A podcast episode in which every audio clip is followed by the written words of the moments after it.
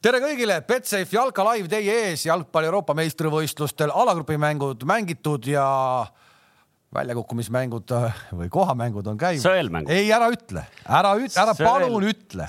ei, ma tegelikult, äh, ma tean, et sõelmäng äh, paljusid teisigi peale sinu traumeerib ja ma ise ei ole ka selle kõige suurem fänn ja selle asemel, et lihtsalt nagu nurgas vinguda ja, ja nagu öelda, et kõik on pahasti, mina mõtlesin ikkagi parema variandi ka välja. ja need on rehamängud. Tehti reha, eks ju seal kontoris tehti täielik reha, eks ju, noh, see tähendab seda, et pooled asjad. tuulutus, tuulutusmängud. ehk et ja, ja panin selle Twitterisse, eks ju, mina erinevalt sinust olen sotsiaalmeedias ikkagi nagu aktiivne ja. ja ei saanud ühte, ja ei saanud ühtegi retweet'i või? sain, sain kümme laiki, mis tähendab seda, et noh, põhimõtteliselt kohalike valimiste kontekstis ma oleksin juba kuskil väiksemas, näiteks Paide volikogus ma oleksin juba raudselt sees ma võtan neid Paide nagu toetusavalduse. Paide volikogus iga kahe kuu tagant vahetatakse volikogu välja. ühesõnaga need rehamängud või tuulutusmängud on teinud siis sellise teema meile, et äh, meil on siis alles jäänud äh, meeskonnad, kelle hulgas, kelle hulgas on siis kolm äh, alagruppide kolmandaks jäänud meeskonda surmagrupist ei ole ühtegi edasipääsejat kolmest enam kaheksa parema hulgas ja kõik tiitlivõistluste võitjad eh, on kodus. ehk et mängud läksid lahti alles siis, kui alagrupi mängud on läbi ja algasid rehamängud. just, ma mõtlesin nagu ungarlaste peale selles eh, kontekstis, et, eh, et olid seal surmagrupis, eks ju, ja, ja edasi pääseda ei õnnestunud, aga me eelminegi saade rääkisime neist kui vapratest sõdalastest ja et noh, et lahkuvad nagu püstipäi läksid koju, eks ju, rääkisid kõigile, et noh, vaadake, kui raske alagrupp meil oli. tegelikult oli kõige lihtsam alagrupp nüüd vaatame tagasi ja mõtleme, et kurat, et. et nii vaatad, et inglastel on kõige raskem alagrupp oli, et Inglismaa ja Tšehhi ja, ja, ja peaaegu, et Horvaatia ka, peaaegu. aga okei okay Äh, hakka siis peale, meil on veerandfinaalpaarid teada ja. ja me proovime täna siis äh, minna nii, et, et vaatame veerandfinaalide paaride peale ja, ja siis heidame pilgu üle õla ja vaatame, kuidas neil siis äh, edasi jõudnud satsidel ja ka välja kukkunud satsidel siis nendes mängudes läks, ehk et teisel juulil, mis nädalapäev teine juuli meil on? ülehomme on siis kaks esimest veerandfinaali kellaajaliselt, esimeses on siis Šveits ja Hispaania ja noh, Šveits, kes siis meist nüüd enam Šveitsi ei armasta peale seda, kui nad prantslased välja lükkasid. ma ei tea, alustame ikkagi ekspertidest, et siis ma pärast ütlen, kuidas tegelikult oli. ja ütleme ära, sest täna on, täna on jälle tagasi direktor Kams ka ja tervist, tervist, tervist. ja kui te vaatate, et Kams on veidi tavalisest rohkem pinges, siis see on ka arusaadav ja meie talle küll etteheiteid ei tee. põhjus lihtne, et siit lahkudes tormab ta kohe A Le Coq Arena'le, kus siis Paide linnameeskond kohtub täna kell kaheksa FC Floraga. kehakeele eksperdid on rääkinud, lähme nüüd jalkajuttude juurde uh. -huh. aga Šveits-Prantsusmaa kõigepealt, millest võib-olla alustada, mina olin üllatunud äh, Dechamps'i valikust minna siis mängima kolme kaitsega. nagu ma siin olen ka korduvalt varem öelnud, siis need, kes kolme kaitsega mängivad taga, ma ei usu, et aga tead, miks nad läksid? tulevad ja ma tean, miks nad läksid, sest neil olid seal teatud probleemid. aga, aga räägi, probleem, räägi, räägi, räägime probleemid ära. mina arvan teadvat, miks nad läksid, sest no vähemalt ma lugesin enne mängu selle kohta ja see tuli mingist kahest erinevast allikast tuli teooria, et seda kolmega mängimist nõuab äh, Paul Pogba. sest see annab äh, ründajatele võimaluse natukene hinge tõmmata kaitsestaadiumis, noh, teooria oli selline. mis iganes suhted on seal, eks ju, peatreeneri ja staarmängijate vahel aga seda ma lugesin enne mängu ja siis vaatan mängu eel, vaatan äh, koosseis, kuidas on üles antud ja mõtlen, kas päriselt nagu käib nii või? no mina ei taha uskuda, et see päris nii ikkagi käib. Deschamps selles suhtes ikkagi tundub äh, üsnagi selline konkreetne vana, et samamoodi nagu ta selle Mbappe ja selle Giroud asja seal ikkagi. ja väga-väga äh, ühtemoodi mänginud siiamaani. just, et, et ta ei ole, ta ei ole hakanud nagu kuidagi, kuidagi nagu. kas ta poole ajal ümber ei leidnud? ei no selleni me jõuame, selleni me jõuame no., et, et ma arvan, ma arvan, et seal midagi sellist ei olnud, ma arvan, et seal ikkagi küsimus natuke oli selles, et Hernandez oli selle härrasmehe nimi äkki või, tal oli ikkagi väike probleem, ma eeldan, mingi vigastusega ja noh, eks äh, siis mingis mõttes äh, sundis see tegema Deschampsi valiku. ta valis seekord sellise formatsiooni ja päeva lõpuks okei okay,, äh, raske öelda, kas see oli formatsiooni pärast, et nad selle mängu kaotasid, sest et tegelikult ta ju poole ajal muutis seda, ta tõi Komani sisse, võttis Lenglee välja. muutis juba kümme minutit no, enne jah, vaheaega. jah, aga siis ta tegi ka selle vahetuse, et ta võttis Lenglee välja, tõi Komani sisse äh, põhimõtteliselt ju mingi hetk nagu justkui tundus, et mäng on nende jaoks tehtud, kolm-üks, kõik meie käes. aga mis siis juhtus, juhtus see, et nad hakkasid seda seisu liigselt hoidma ei no oota, esiteks üleüldse minna kolmega. räägime kõigepealt sel, okei okay, noh. minna kolmega, endal pole kolmandat normaalset keskkaitsetki. no sa ei Denk saa me... öelda Barcelona mehe vastu, et ta ei ole normaalne ja, keskkaitse. aga ma arvan, no sina kui padu Barcelona fänn peaksid ju teadma, et noh, ega ta seal nüüd ei säranud pigem. ja, aga sa ei saa Barcelona, Barcelona meeskonnas mängija kohta öelda, et noh. Martin Bright. ei kuule, kuule, nad olid, nad olid lähedal, et nad on null-kaks kaotusseisus teise poole. olid, olid, aga noh, jalgpallis on igast asjad sageli lähedal, aga neid ei juhtu. järgmine hetk nad juhtisid kolm-üks seda mängu ja mäng oli tegelikult nagu nende käes.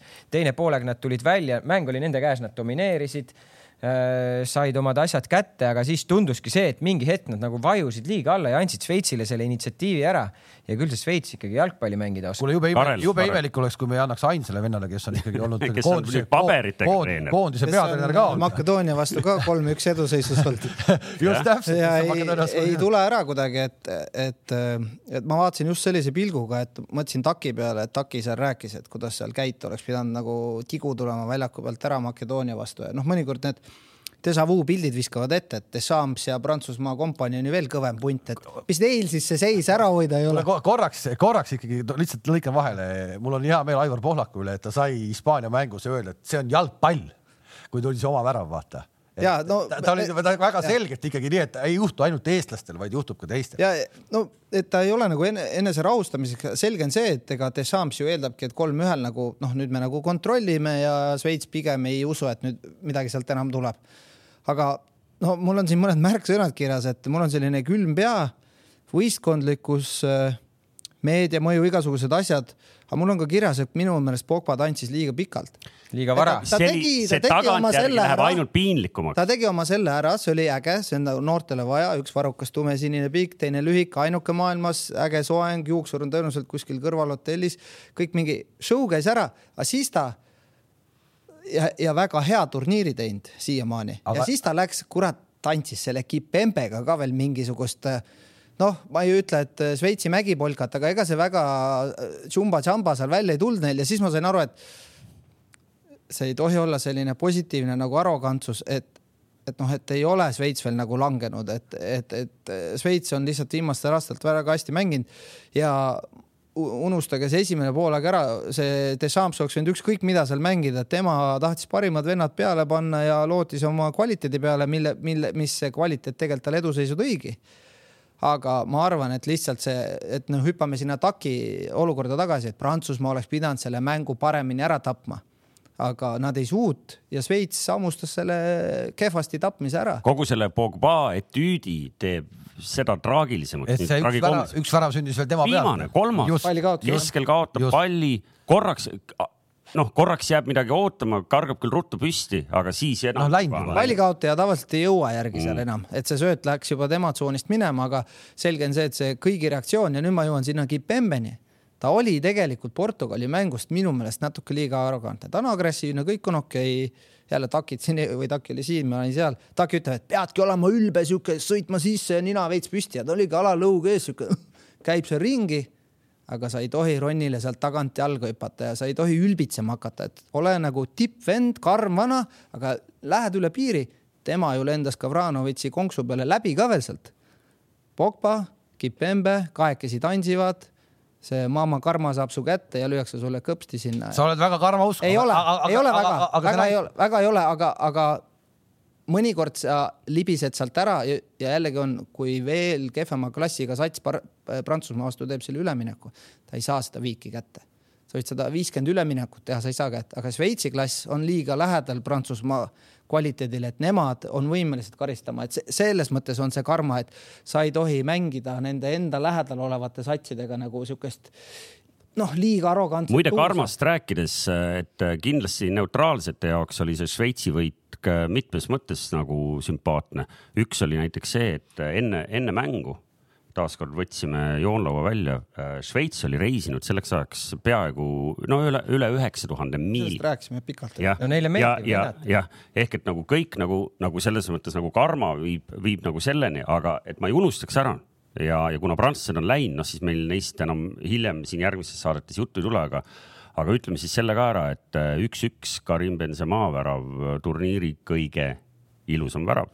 mul oli kahju tast peale mängu, tema oli tõeliselt äh, kurb vend, et no Pape oli nagu löödud, okei okay,, seda lugu lõpus me teame, pendlad ja kõik, aga sa näed, et kui võtad Benzemat ka, et ta oli veidikene nagu Ronaldo, et ta tuli ja tegelikult pani kõik minu meelest letti, mis tal oli, et ta oli, ma arvan, kehaliselt ja füüsiliselt oli raske hetk tal see EM aga see vend nagu konkreetselt nagu pani kõik nagu ennast sinna nagu tagasi sinna pilti ja, ja kõik oli tipp-topp, aga kuidagi see noh, nagu ma ütlen, et võib-olla tema ümber teised mängijad, Mbappe seal ja võib-olla seesama see, kes seal tuli sisse vahetusesse. Koman. Koman natukene seal ei jõudnud sinna krossi peale ja kuidagi jälle see, et staarid pluss natuke järgmise kaliibri staarid, kui nemad jõua, suudavad oma levelit hoida, siis Prantsusmaa oleks sealt läbi läinud. ja aga, aga minule tundub, et seal oli ka see teema ja, ja, ja eriti nagu see, see hakkab silma, Mbappe tahab kõike nagu justkui ise teha sul on ümber tegelikult väga head mängijad, samamoodi see Benzema, noh, mängid aga seal paar seina, ta paneb su ja nad mängisidki, nad mängisidki ja seal tulid momendid, aga kui ei mänginud, siis punn. see natukene käib ka nagu Itaalia mängus pärast, et nad samamoodi nad seal lõpufaasis, nad võiks omavahel rohkem lüüa või nii-öelda mängida, tuleks rohkem asju ka. noh, Pape lõpuks turniiri kõige kehvem ründaja, kolmsada üheksakümmend minutit. kaksteist, kaksteist lööki väravale. neliteist lööki väravale. kaksteist või neliteist emb-kumb. ja null, null, see on kehvem näitaja. nüüd ma ütlen, nüüd ma ütlen, et see on jalgpall. no näiteks. ja aga, aga omal moel need, need kõvad mängijad, nende enesekindlus ja see ongi see, et seal mängu lõpus, kus on vaja teha nagu otsustavaid liigutusi, eks ju ja, ja siis, siis nad hakkavadki võib-olla natuke rohkem kui vaja ise tegema, et see selleks. ei jaa, aga, aga see ongi, et eh, mängu lõpus küll, aga ta nagu terve mängu nagu kuidagi justkui kohati nagu tundus, et miski kammitseks teda, et mul ei ole neid väravaid, ma tahan nagu ilgelt ise teha nagu. no aga söödud andis kenasti ära. ei, andis ära muidugi. Need on nii, need inimesed, kes, keda Mbappe austab kes tema ümber on, näiteks kas perekond või jalkainimesed, klubi peatreener või koondise peatreener. et kas kahe kuu pärast, kui läheb jälle sügise poole see asi uuesti lahti, kas keegi ütleb talle, okei okay,, sa oled nüüd ära puhanud, maha rahunenud, et kes keegi annab talle selle hea tagasiside ka, et tõeliselt suureks mängijaks sa saad siis, kui sa õpid nagu andma ka, saad tagasi ka paned kellelegi kandiku peale ette neid sööte, õpid jagama, see jalkajumal annab sulle tagasi selle, et sa oled hea jalgpallur, sa saad tagasi need asjad. et kas ta kellelt ta saab selle tagasiside või edasiside, et kuidas siis nagu jätkata, et teda sügisel nüüd või selles uues hooajaperioodis jube huvitav on jälgida, et mis, mis tulekuga ta tuleb tagasi. Karel ütles, et äh, mängu kõige kurvem mees oli, et võib-olla, eks ju, äh, Benzema, aga kindlasti mängu kõige rõõmsam äh, mees peale lõpuvilet oli Rodriguez. oli Rodriguez, sest juba sel hetkel, kui ta penalti puusse pani, eks ju Äh, sel hetkel oli, oli teada, et see mees ei maga mitu järgmist, mitukümmend aastat, eks ju, korralikult, aga, aga ega siis see äh, Benzema kaks-üks tuli ka ju tegelikult sellest emotsioonist, noh, sealt oli raske oodata, et see pall muidugi täpselt sinna taha posti kõrvale põrkab, aga. eeltöö oli Prantsusmaal nii hea juba seal, et see on see selline kuidagi, sa oled seal kõrval. aga tavaliselt see põrkab, kui sa seda. aga ma tahtsin Rodriguez'i selleks siin treenerite, õppinud treenerite äh, kuuldes teemaks võtta, et, et läks, eks ju, penaltit lööma Läksin, vaatasin üle, mismoodi ta penalteid on löönud. hästi lööb tegelikult. ei löö. No. ta on löönud kakskümmend seitse ja kakskümmend kaks ära löönud ehk et noh, põhimõtteliselt iga viies eksib okay., aga viimased nüüd koos sellega, viimased kolm on eksinud ehk et nagu kõik ka koondises. Šveitsi, koondis tervikuna oli minu arust viimased neli mööda löönud koos sellega, mis nüüd Rodriguez lõi. ja koondis tervikuna ma ei tea, aga ja. ma just vaatasin konkreetselt, okei okay,, et noh, sul. siis lähevad on... penaltiseeriasse, panevad viiest viis. ja tea, minu arust tegelikult mängus siis oleks pidanud ju Newcastle'i mees lööma minema. Newcastle'i mees äh, lõi, nägid, kuidas lõi või? hästi lõi. väga hästi. Pendlaid löödi hästi. tuima näoga pani. ei, me ei, me ei tea seda see, see on see mingi, mingi selline loogika on ka ju, et ma nagu Messil või Ronaldol, kui nad eksinud, nad lähevad teinekord uuesti lööma ja nad nagu noh, et ega ma kaks korda järjest ei eksi või naljalt mängijad ei eksigi kaks või kolm korda, neid on ajaloos neid momente.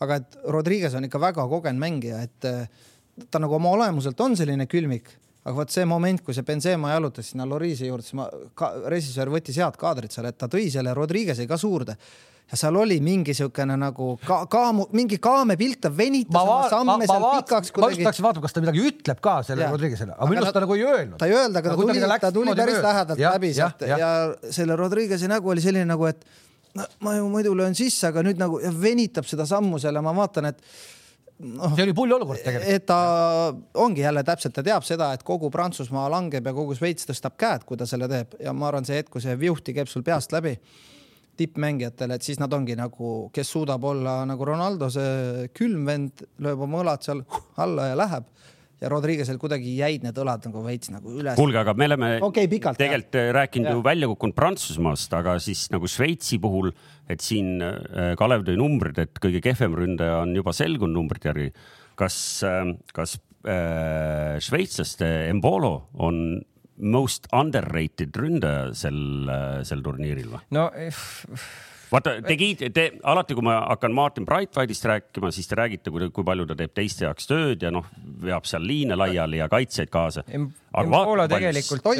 prantslased. ta, ta on, ta on tehniliselt väga tugev, ta on niisugune suhteliselt võimas, ta, ta suudab üks-ühele ära teha ja, ja, ja ta ei ole selline tüüp, ta ei ole selline Seferovitši tüüpi ründaja, et ta pigem seisab seal pukis, hoiab palli meeskonnale, lükkab.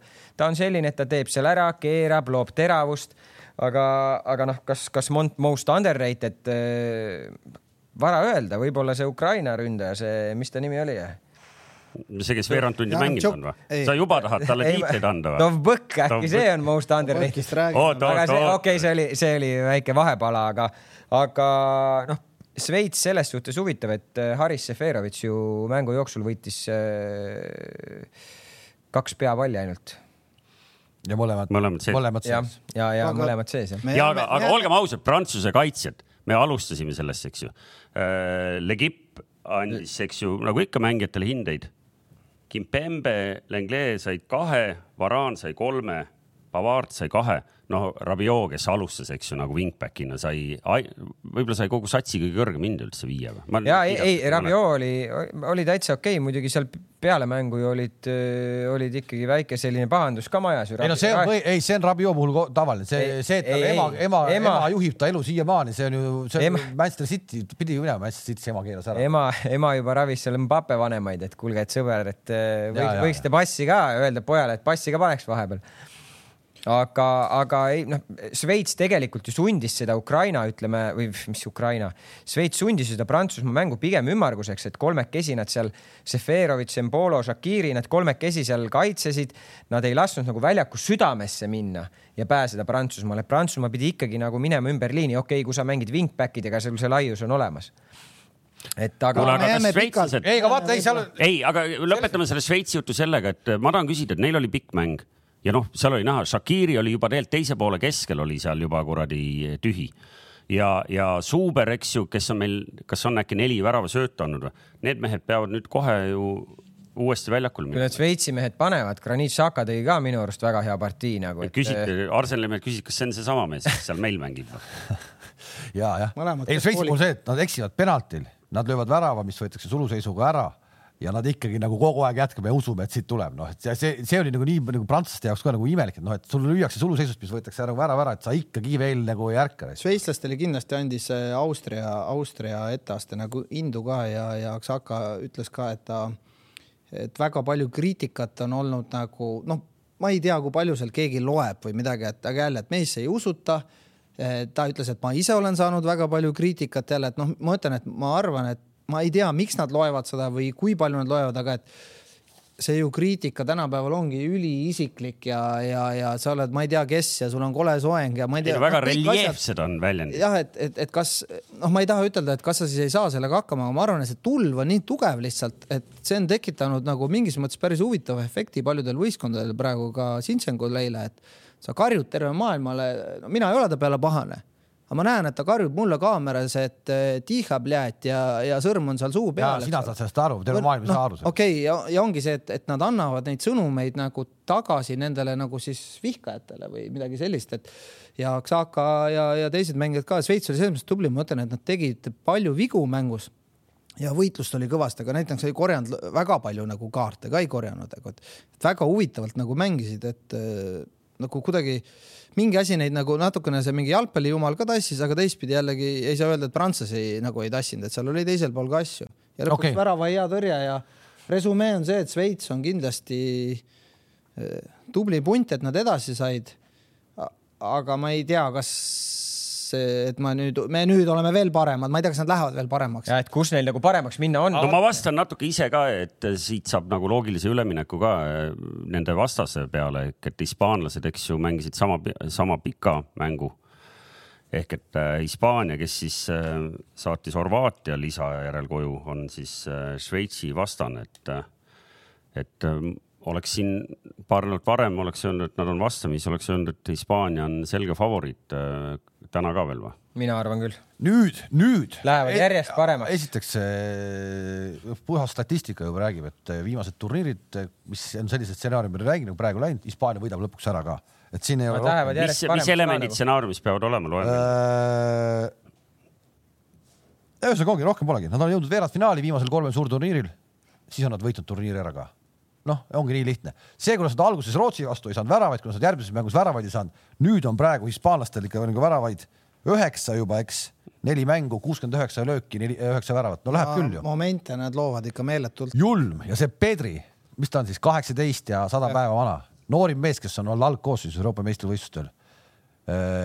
noh, hispaanlastel mingi täiesti uus talent on järsku olemas no ja, aga selles suhtes äh, jah, me räägime praegu lihtsalt selles EM-i võtmes, aga tegelikult ta tegi päris korraliku hooaja juba Hispaanias ka, et. ei no selge see, et ta poleks muidu koondises olnud ju noh. et, et, et no,. tule ole koondises nende vanus... meeste vahel, tule ole koondises nende meeste aga, vahel. minu arust ma ütlen, Hispaanial on see, see teema, nagu Busquets tagasi tuli, minu arust need asjad on nagu kuidagi paremini klikivad kokku seal, et. Aspikuleta peal ta nagu sellise mõnusa tasakaalu tõi, et tal on piisavalt näljane, kiire noor võistkond usk Moratasse on säilinud, ma olen täiesti kindel, et Ruiz Enrique ütleb talle rahulik.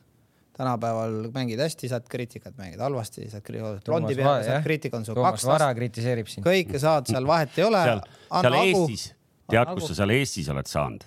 anna Agu, kindlasti ta, temasse on nagu uskujaid, aga kindlasti on nagu paljud pettunud, et noh, kuna lihtsalt eel, eelkäijad on nii kõrge standardi tekitanud Hispaania, et me eeldame, et kõik noh, need järgnevad ründajad on, hoiavad sama standardit. see ei ole Morata süü, et ta ei ole nii hea kui äh,.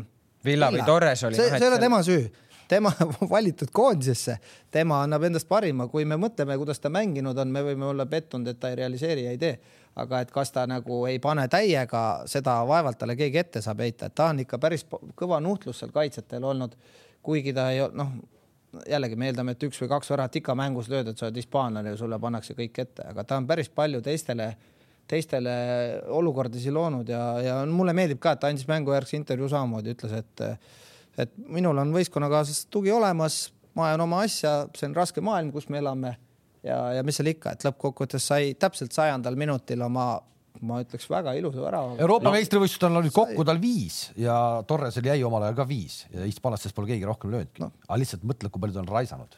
nojah, pendlaid on juba omajagu raisanud ja eks tal neid võimalusi on olnud, aga, aga, aga mis mulle nagu natukene nagu tundub seal, et tegelikult äh, vist ikkagi tuleb tõdeda seda, et sellest Sergio Ramosest on, on ikka puudus. aga nüüd, see on oli puudus, puudus., ma rääkisin kogu aeg seda alagruppide, mulle tundus nii, aga nüüd äkki enam, äkki enam ei ole. võib-olla, võib-olla. Horvaatia veidi võib-olla oli nagu mingites elementides, et täielikult äh, tõmmata nagu Hispaania nõrgad kohad välja, veidi nat natuke liiga tüma. aga ka sellest, et nad olid tümad, nad suutsid ikkagi välja tuua sellised mingid teatud nõrgad kohad ja hispaanlastel ka seal seesama, see kõige viimane värav, millega üldse lisaajale mindi, seal ikkagi Ruiz, äh, Napoli vend, kogenud vend onju, sa ei lähe seal oma mängijaga kaasa kasti või noh, nagu mingid märgid on veits sellised nagu jälle, see ei ole arrogantsus, aga et selline, et noh, ta läheb sinna, et ega me noh, või kuidagi, et ta ju ei löö ära ja siis see jääb sinna uitama kuueteist kasti kuskile. no seis on kolm-kaks, ei ole neli-kaks või viis-kaks ja seal lubad neile sellist asja ja nii kui sa natukene sellises kuskil jätad midagi kahe vahele, Horvaatia tõi selle nõrga kohe jälle Hispaanial välja, et ka nende kaitse noh, ei ole nagu nüüd nagu nii õlitatult ei toimi seal kõik, et no, seal on, seal on me, küsimusi. ja räägime sellest oma tarast ka paari sõna või on sellest mõtet rääkida? ei, tegelikult on, vaata meil, meile, meile meeldivad ikkagi väiksed lood suurte lugude sees ja see, kuidas äh, see Unai Simon ikkagi sellest nagu välja tuli sest ta tegi ju pärast. ulme save, see oli ulme save. mis ta ära võttis ühe välja? Äh, lisaajal. ehk et. Äh, lisaaja esimene poolaeg, kui Horvaatia alustas ülihästi ja kõik arvasid, noh, ma ei ütle kõik, et väga paljud võisid arvata, et äh, psühholoogiliselt on Hispaania murtud selle lisaaja viimaste väravatega, neil oligi üliraske esimene lisaaja esimene pool ja siis järsku Hispaania tuli sealt välja, aga Horvaatia. aga horvaadid väsisid enne. Modric oli juba seal äh, tegelikult äh, normaale lõpus. ja tegelikult no, mäletad, me alustasime sellest, et äh, Modric tegelikult on vana ja ilmselt enam ei jaksa siis mees näitas, et jaksab küll, aga, aga konkreetselt selle mängu lõpus oli ta väsinud, vaata, ta mitte ei seisnud käed põlvedel vaid ta ootas vastaseid niimoodi mingi naljakas. tegi kehaasendeid selliseid Kuida..., imiteeris pressingut nagu, et ma tulen peale, aga ja. tegelikult hispaanlase sellise imitatsiooniga nagu kurb oli, kurb oli, kurb oli vaadata. muide see, et, et äh, Unai Simon seal kala sisse lasi seal Hispaania meedias nagu väga suur üllatus ei olnud, sest äh, kohe leiti üles fakt, et äh, eelmise, sina Barcelona fännina tead seda peast, aga ma ütlen teistele ka ära, et, et tema oli väravvaht, kelle vigadest äh, löödi äh, kõige rohkem väravaid äh, tema enda selja taha ehk et konkreetselt kaheksa tema eksimust lõppesid väravaga. nii et noh, see kohe Hispaania, hispaanlased leidsid selle samal hetkel üles, pärast anti muidugi kõik andeks jälle. nojah, kui nad võid, võiduga läksid edasi, ma ütlen, mulle tundub, et nad et see algus oli neil nagu oli, Rootsiga seal kangutasid, ei saanud kätte, lõpuks Slovakkide vastu see asi seal avanes ja nüüd nad lähevad nagu järjest-järjest paremaks nagu, et. ja tegelikult see ma ütlen, see sööt tagasi oli ka, tegelikult ta oli, ei olnud hea ta oli selline, ma viskan sulle sinna, küll sul on aega seal sada aastat seda palli sättida. no see oli Pedri. ta, oli... ta oli päris tugev pall ja põrkas ebameeldivalt. noore mehe ehmatus. ja, ja, ja, ja, ja väravahil see nagu, nagu ühed teised eksperdid ka ütlesid, et ta juba mõtles see. järgmist liigutust. sa pead teadma, mis on järgmine käik, treenerid ütlevad mängijale, et tegelikult sa võid teada, aga sa otsustad sellel hetkel, kui see pilt sul ees selge on ja tema juba nägi, et seal, kas Laport tegi seda nurka, see on kaadrist ilusti näha ka, Laport teeb nurka, see silmside on seal nagu suureks lähevad silmad ja noh, korra kaob see kontakt palliga ära, et ega seal see põrge oli ka nii kiire kuidagi, et tema isegi jala säär andis natukene sellele pallile veel isegi hoogu juurde. noh aga mis peale väravat juhtus, oli see, et terve Hispaania võistkond vaatas korra vasakule, paremale. Lähme edasi. ja tegelikult sõideti samal tempol edasi, et äh, mingiks väikseks hetkeks oli minut või kaks, sest staadion kohab aga tegelikult hispaanlased lasid edasi. kui sa vaatad seda Luis Enriquet nagu, siis äh, tundub nagu, et ta nagu, tal on ka mingi selline vabanemine toimunud, et see, kuidas ta nagu celebrate ib neid väravaid nüüd, et see alguses seal oli ta selline noh, siin kogu aeg vaatab nagu, aga nüüd ja on see, selline avanemine no,. see, kui nad tulid tagasi ikkagi kolm-kolm, siis mul oli natuke tast täitsa kahju, siis, siis ma mõtlesin küll selle peale, et noh, et noh, et kus see raamat nüüd on, onju. aga nüüd, kui nad said ikkagi kätte lõpuks selle, no siis ma arvan, et. ja mulle meeldis Hispaania see värav, kuidas nad mängu tagasi tõid Neid oli seal mingi kuus tükki kastis, mis ei ole nagu üllatus, aga see, et nad nagu rammisid seda palli seal niimoodi, et need horvaadid ei saanud jaole ja väravaht ja kaitsjad. mul on hispaanlaste väravad. kõik on põlvede peal seal. Nad on löönud praegu üheksast väravast eh, vii-, neli on löönud eh, värava, värava viie kastist, viie kastist sees. nagu ajasid on, viis on tulnud viie kasti joone pealt põhimõtteliselt ja see oma värav, mis hispaanlased lõid praegu, see oli siis nende esimene väljapoolt kasti, küll oma väravasse, aga väljapoolt kasti esimene pärast aastat kaks. ei no poiss, poiss sai üldse nagu ikkagi tabelitesse sisse ka, sest äh, kas see peaks olema EM-ide kauguselt teine, teine värav? värav jah, Šiki järel. Šiki, Šik võttis esikoha ära, aga nüüd vähemalt seal lähedal.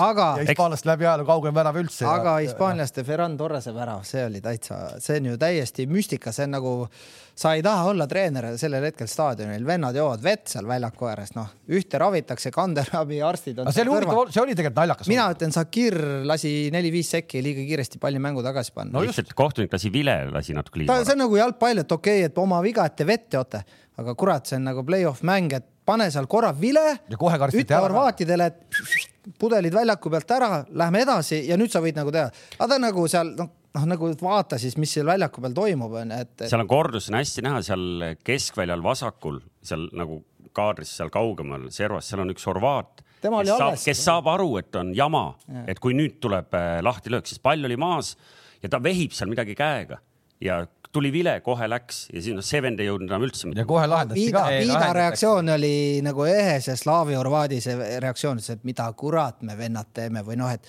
noh, see on nagu, mängid saali jalkat, sa ei ole ju mingi, nad on mängumehed seal kõik. Ja seda enam, kui sa mängumees oled, siis sa peaks nagu Hispaaniale niimoodi tegema, aga sa lased omale mütsi pähe tõmmata ja siis noh, et need nagu noored hispaanlased, me laseme nad veel nagu omale selja taha, et me räägime enne mängu, et mängime kompaktselt kaitses, hoiame nad enda ees, mängime targalt, ajame nad närvi. horvaadid tegid kakskümmend seitse vigase mänge, said ainult kaks kollast kaarti, mis on teine müstiline näitaja jalkas enamus äh, sellel turniiril on neliteist, kümme, viisteist viga tehtud, nad teevad kakskümmend seitse viga, saavad kaks kaarti, tähendab seda, et nad targalt nokkisid maha mm -hmm. neid hispaanlasi ja siis sa lased need vennad jooksma ja noh, ei, selline punt no. karistab sind kohe ära, seal ei ole variantigi no.. kuulge, selline ja. punt, meie punt peab äh, tempot juurde panema, et äh, mitte produtsente närvi ajada. rohkem kahe puut-, ühe puutega. ühe puutega vastused, äh, kommentaarid ei. Puskets ühe puute söödud keskväljal ja kahe puutega mängutempo kontrollimine on võtmesõna Hispaania koondisel, ülejäänud vennad nagunii teavad, mis teha ja ajavad seda palli jõuga väravasse. ehk et ma sain aru, et me Šveitsile palju lootuseid ei anna või?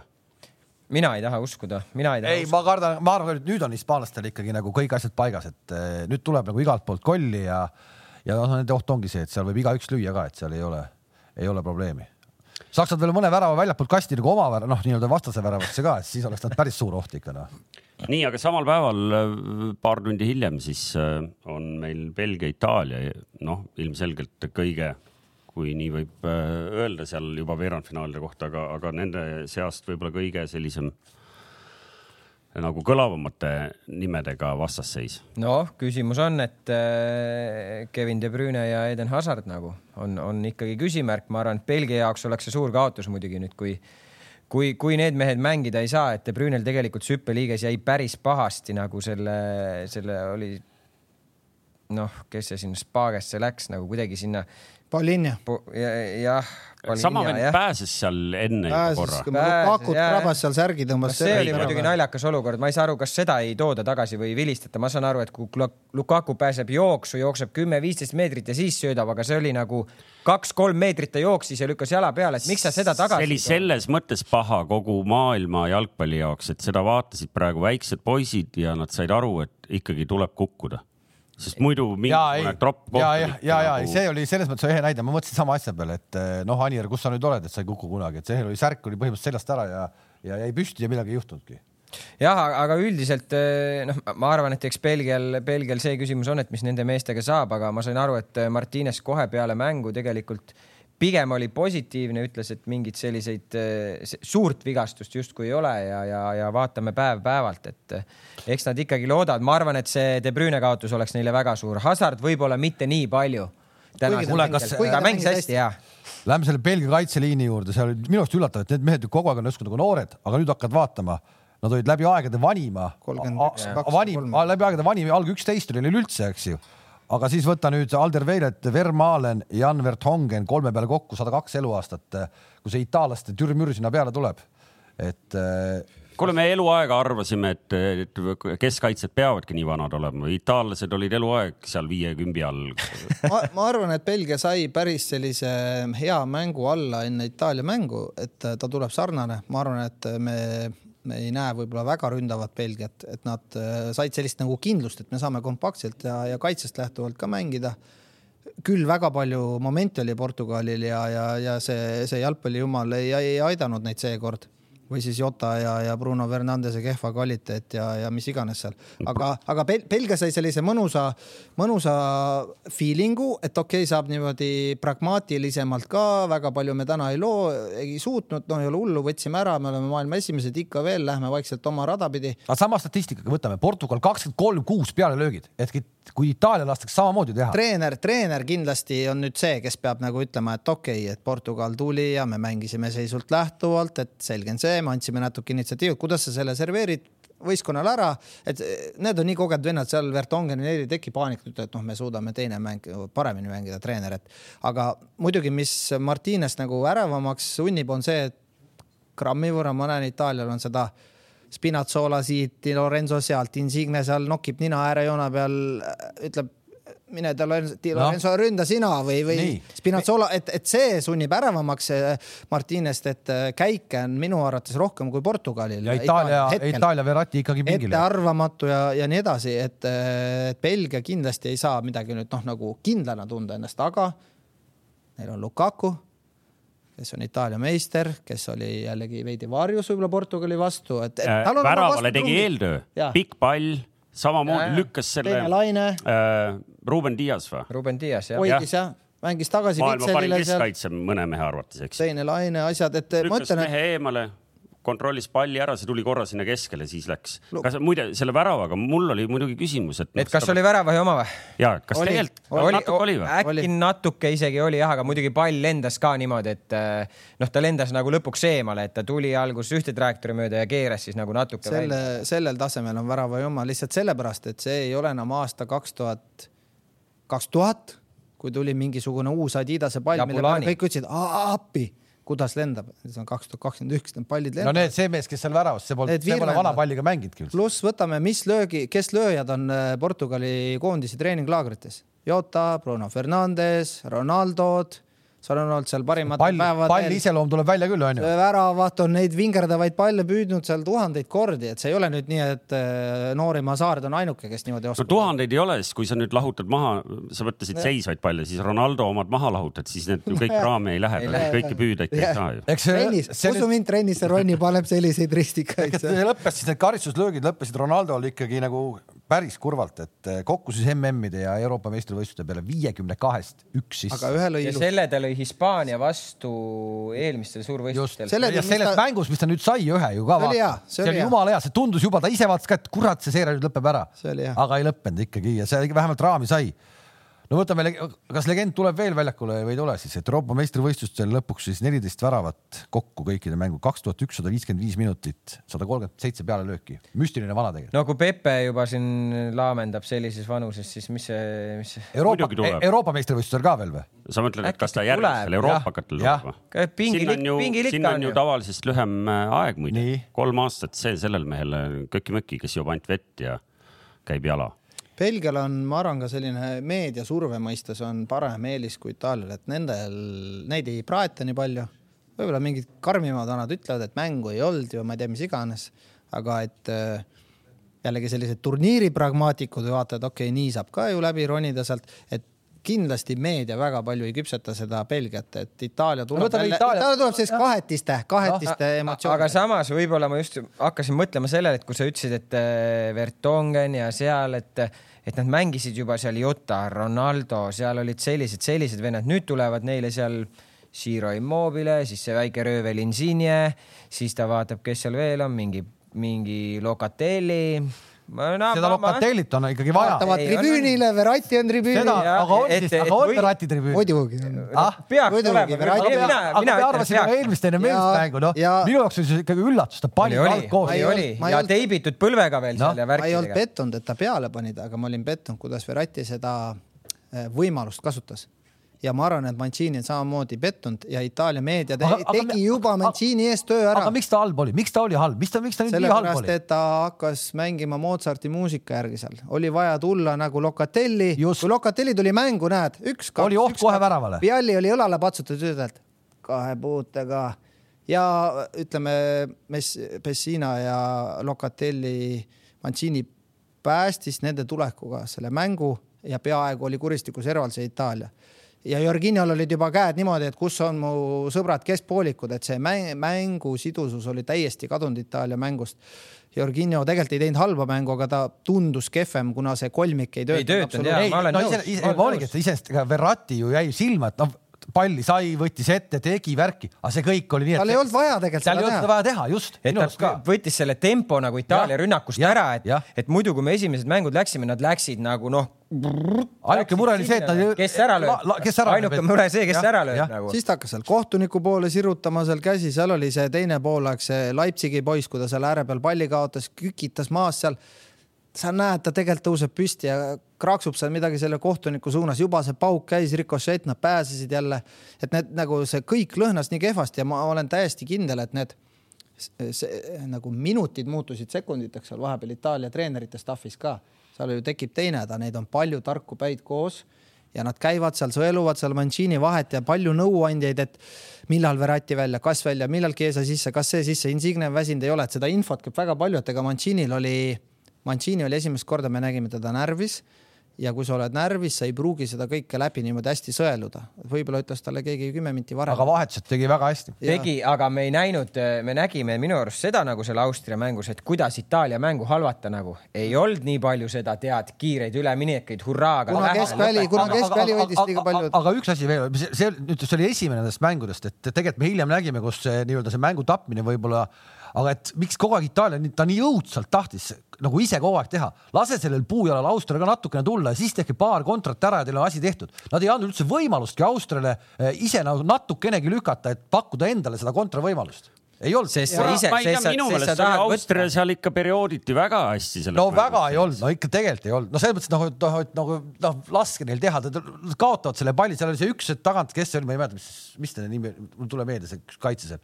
proovis, jah, proovis sealt kaugelt igasuguseid asju, aga laske neil natukene proovida. kusjuures see palli valdamine, ma vaatasin, panin mõned statistilised numbrid ka vahelduseks, et, et, et, et see tegelikult oli Austria nagu palliga ka, aga lihtsalt selline kuidagi noh, kuidas ma ütlen, et et nii Austria oli minu arvates ise ka piisavalt ettevaatlik, et nad ei, nad ei läinud nagu üheski momendis nagu terve sats hurraaga, vaid nad läksid nende hurraa meestega lihtsalt tegid neid üleminekuid, neli-viis venda jooksid seal, aga et kogu aeg see mingi teatud tasakaal seisis ja ma ütlen veel kord, et kui, kui me ainult saame spekuleerida, et kui see keskväli oleks Itaalial toiminud nii nagu eelnevad mängud, kus ta tegelikult toimis minu arvates väga okeilt isegi see Verratti üksinda sissetulek toimis hästi ja nüüd ta ei toiminud, siis äh, me ei saa öelda, et noh, või me ei saa ütelda, et mis oleks siis, kui oleks olnud Pessina ja Locatelli kohe peal, võib-olla see Austria poleks kastist väljagi saanud, kuna lihtsalt keskväli nii hästi nagu toimib ja haardes. ma lootsin, et keegi küsib, et,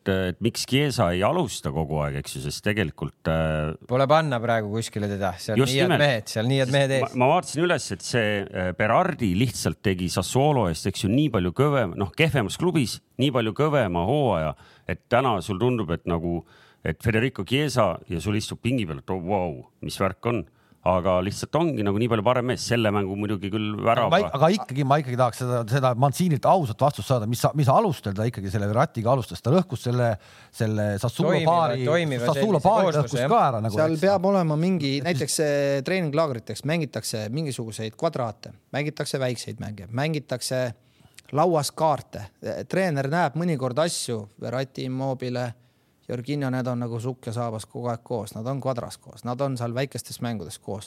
Neil on seal hea side veel Akerbiga. aga sa ei, aga sa ei teinud seda, sa ei teinud seda testi, ei teinud seda alagrupi mängus, sa teed selle testi selles nii-öelda siis reha mängus. no näiteks nüüd ongi see, et me saame ka öelda, et kas Mancini mõtles üle, me ei saa, me ei tea seda, et kas staffi koosolekul Mancini kaotas äh, debati Viallile, kurat, tal on seal, ma vaatasin, mis vennad tal seal on, seal on mingi Interi spordidirektorid, nad on seal tulest veest läbi käinud. see sumin käib seal ja siis käib mõnikord ju käib see mõttemäng ka, et hääletame kas Verratti sees või Locatelli, mitte nagu sõna otseses mõttes kätega, aga seal ju tekib vaidlus, sina oled treener, ütled Locatelli teine treener ütleb, kurat, see Verratti minu meelest selle Jorginoga, mäletad selle Poolaga, nad tegid seal naks-naks, see asi toimis, Immobile ütles Verratti I love you. ja need kõik see debatt käib ja nüüd Mancini peab lõpuks nagu ütlema, okei okay,, kutid äh,, Locatelli või Verratti ja, ja ta sa... tegi selle valiku. ei no see on sama, see Southgate, Southgate'i see nii-öelda Grealish'i kasutamine, et, et, et, noh, et miks ta toob ta, ta saab ennem mängu, tund aega enne mängu käib. ja aga Grealish, me kõik teame, miks ta ei julge teda panna sisse, sest Grealish on sel hetkel, kui ilma pallita on vaja. kaitses, kaitses nagu... ei ole see mäng. ja okei okay,, aga, seal... aga põhimõtteliselt no mõte sama, et noh, et öö, äh, otsused on samasugused. ei no jaa, aga, aga ilmselt ka seal äh, ei ole ainult nagu see, et mis kooslus sul seal kuskil söögilauas istub või pingsi mängib või omavahel hästi läbi saab, ikkagi sa pead ju vaatama seda taktikaliselt ka, et okei okay,, Locatelli omadused on sellised, Austria mängib niimoodi. võib-olla kui ma panen sinna selle Verratti, Verratil on sellised omadused, me saame teda enda jaoks palju paremini ära kasutada nendes, nendes, nendes olukordades, me saame.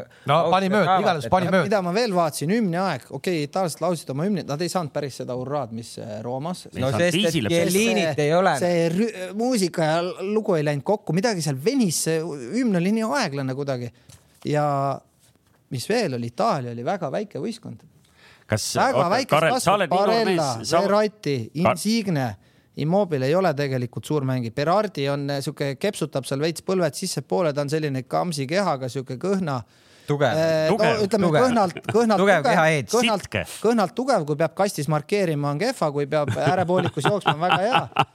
ja Itaalia oli ainult Bonucci, Bonucci, Acerbi ja Spinazzola kuule, Spinazolast me oleme mõõtu. nii vähe rääkinud, kas see on turniiri hetke nagu oma positsiooni kõige kõvem vend? no vaata, kuidas ta Roomas minema hakkab, on ta Rooma mees? Morinho, Morinho, Morinho, Morinho, Morinho ütleb, et kuule, su kaitsjad omadused on kehvad.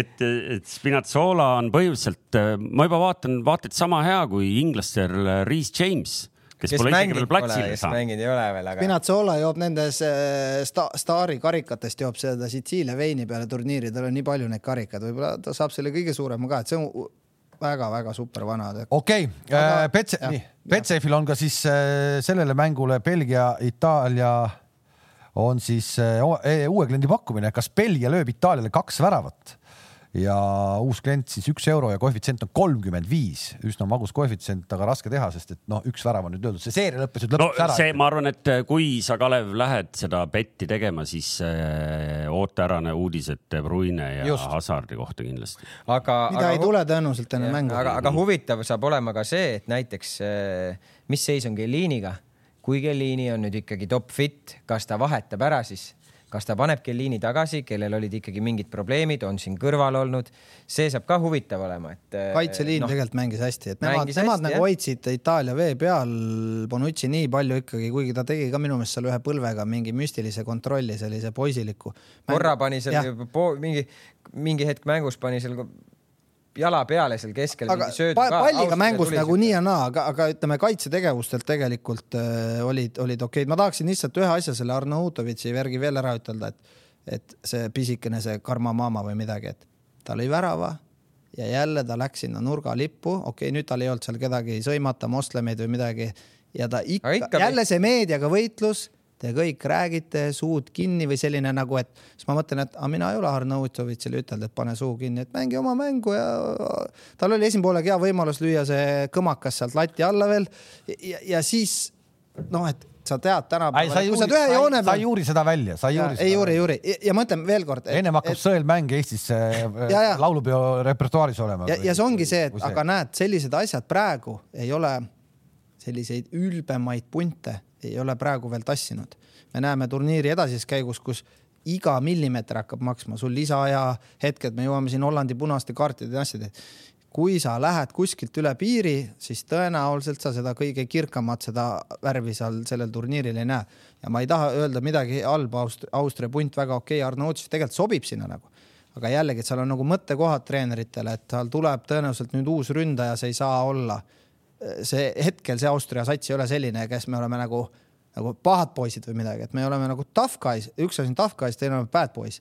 et see Morinho proovis seda bad boys'ide seda teemat seal Tottenhamiga, et loodame, et Rooma jääb alles. nagu Detroit Pistons või? jah, midagi. nagu Leeds United omal ajal ajal, siis kui veel oli mustvalge. aga no, et lõpetame Austra-, Aust-, Austra-. Austraaliaga lõpetame. ma olin ka Austraalia poolt pikalt selles mängus, ei, aga, aga Austria värav tegelikult oli kokkuvõttes noh, ma juba siin kuulutasin turniiri parima välja, aga noh, see läheb sinnasamasse kanti okay,. ei, sa kuulutasid välja, jätkame saab ära hoida. kolmekümne senti kõrguselt selline Kalevi pikkune meeter kuuekümne viiene mees peaga värav tegelikult on, ma tahtsin öelda sama pikk kui Kalev, meeter üheksakümmend mingi pluss. ma mõtlesin sama osav, et ütled. ja sama osav kuskilt pidi see ükskord värav ära tulema. aga öelge ka ikkagi vaatajale siis äh, Belgia või Itaalia. no Itaalia ikka. ikka Itaalia. ma vastan siit. ma loodan, Belgia, ma loodan. ma vastan siis ühe küsimuse. see mäng läheb pikaks ah,. jah, siin küsiti, Kalev, sinu käest, et ja. kelle poolt sa oled üldse EM-il? ja ma olen alati, ma alati olen inglaste poolt, aga see EM on lihtsalt itaallased mängivad väga ägedat jalgpalli, nii et ma ikkagi arvan ja kuna meil on ka kast Moretit veel vahel jätkuvalt, et sa mäletaksid siinsamas saates pandud. sest Kams ei ole siiamaani veel guugeldanud, mis asi Moreti on. üks kõige, üks kõige lihtsamaid, üks kõige lihtsamaid kihlvedusi, mis mul elus on. sellel mängul on Belgia fänne rohkem, sest mäng toimub Münchenis. jah, ühesõnaga, et äh, Itaalia jõuab siis see EM kaugemale kui Inglismaa. Oho. nii, aga, aga lähme edasi, sest äh, meil on veel kaks paari vaatamata, neist esimene on siis äh, järgmisel päeval kohe Tšehhi ja Taani ja no ma saan aru, et kõik maailma neutraalsed inimesed on Taani poolt. aga vaatame korra, mis võimalusi me Tšehhile anname, kes äh, saatis koju ikkagi Hollandi. kas sa olid Hollandi fänn? ei, mina lõpetas, ei olnud Hollandi fänn. lõpetas ka siis ära esimene ametiks siis peatreener, kes on nüüd siis tagasi astunud, rohkem vist teisi ei ole, Tebur astus tagasi äh, minu jaoks oli arusaamatu, nüüd seda ma tahan küll, et keegi seletaks mulle ära, kuidas on võimalik see Vainaldum mängust niimoodi välja võtta seni, kuidas ta säras, ta oli ju ikkagi nagu staarmängija, ta säras, ta lõi peale rohkem, kui ta viimases mängus puuteid tegi. äkki ta oli haige? ja ta, ta, ta, ta, ta võeti, ta võeti täitsa välja, kümme palli puudet terve mängu peale. Tšehhide teise värava juures, noh, okei okay,, siis oli ammu juba kümnekesi, eks ju. aga, aga seal oli see pall, mis sealt nagu niimoodi neljakümne viiese nurga all sinna kasti poole läheb, ta teeb nagu mingit paar sammu, aga noh, on näha, et jah, et ta kuidagi nagu saab aru, et, et ma ei jõua. Ja siis tuleb sealt see Dumfries tuleb ka veel vastu jookseb põhimõtteliselt mööda pallist, eks ju, või noh, umbes enam-vähem. ehk et noh, ehk et loomulikult kümnekesi mängides kõik olid väsinud, aga noh, sihuke tunne oli, et võib-olla kurat oli palavik, aga noh. Holland, Holland võitis ju, Holland võitis ju alagrupi kasutades põhimõtteliselt sama keskvälja ja punkti mõistes või nagu mänguskooride mõistes nagu tundus nagu klassikaline Holland, kõik on okei okay..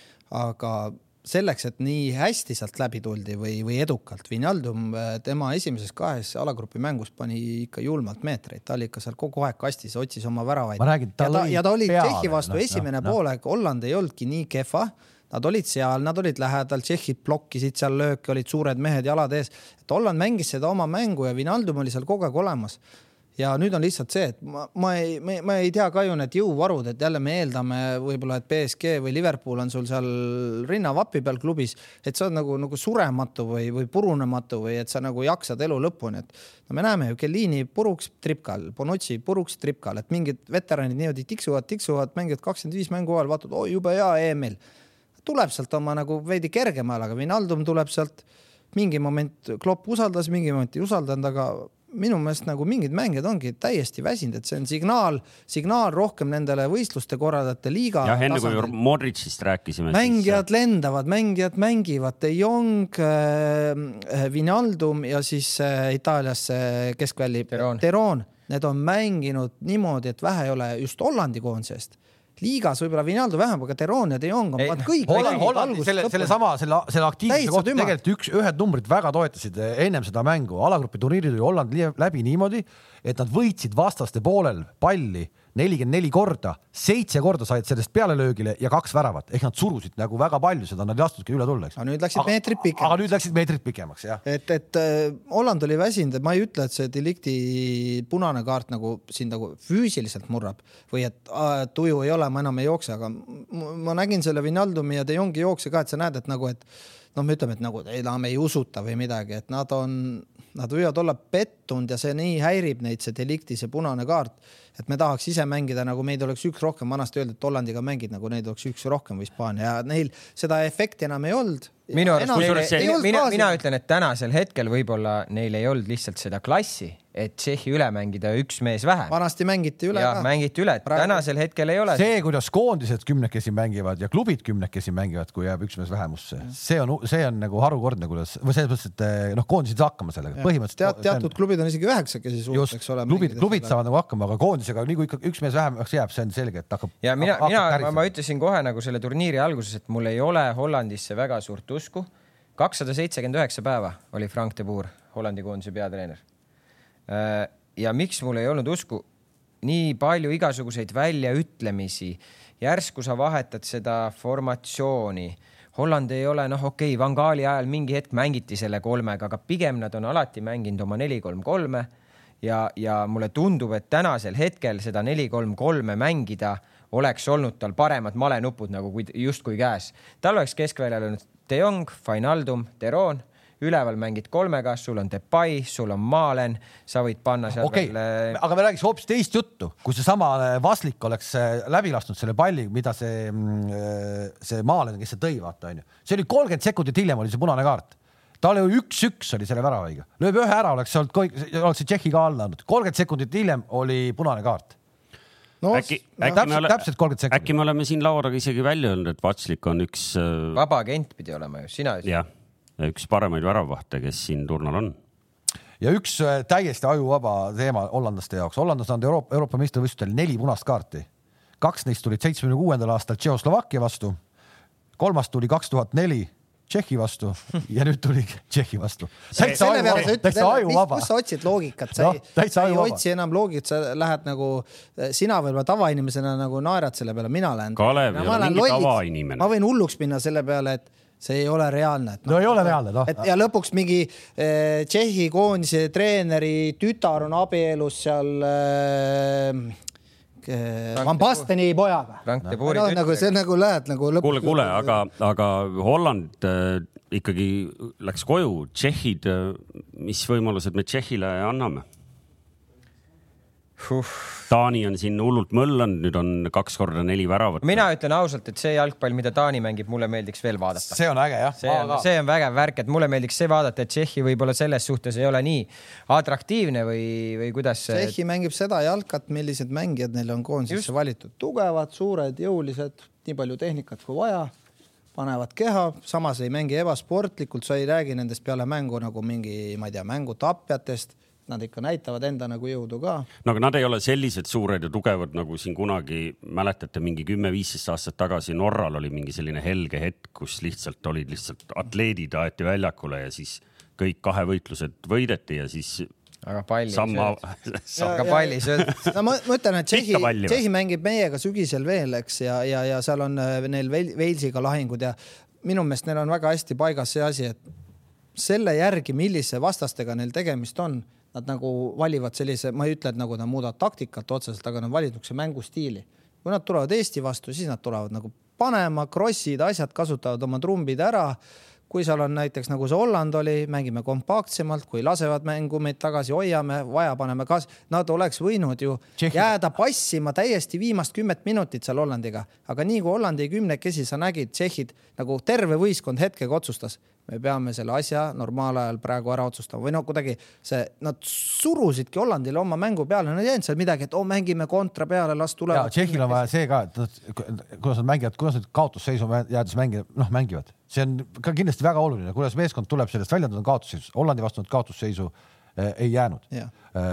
mäletad, kui nad jäid kaotusseisu Itaalia vastu, sõprusmäng, okei okay aga sealt tuli null-neli, seal lagunes täitsa ära. ja nad ei saanud nagu Slovakkiaga oli ka, et nad just. ei saanud seda rütmi nagu võib-olla, ei sorry, nad olid äh, ju Šotimaa Horvaatiaga, et Horvaatiaga nad nagu kuidagi oli siuke ebalev, et ja et kuidagi nende kasuks rääkis. no tunnevad... Deliktist lihtsalt viimane asi, tegi ju tegelikult ülihea seivi esimene poolaeg, see oli puhas kolli moment seal päästis võistkonna ja siis sa teed, noh, ma ütlesin Gerdile vist eile. ise ehitas ka selle, ta ei, ta ei pidanud lappima midagi. Van Dijkiga ta ei teinud ta lollusi nii palju, ta ei teinud lihtsalt noh, midagi, seal on, tal on vaja kõrval kedagi, kes siis ma ei tea, iga viie mintsi tagant ütleb delikt, kõik on korras, me oleme Holland, lähme edasi või kuidagi ta ise, ise nagu. no vaata nagu sul vaata, Toomas, kui te Kaleviga vaata jalgpalli kommenteerite. ma ütlen Kale... ka ei, Kalev ütleb sulle, et kõik on korras, Toomas.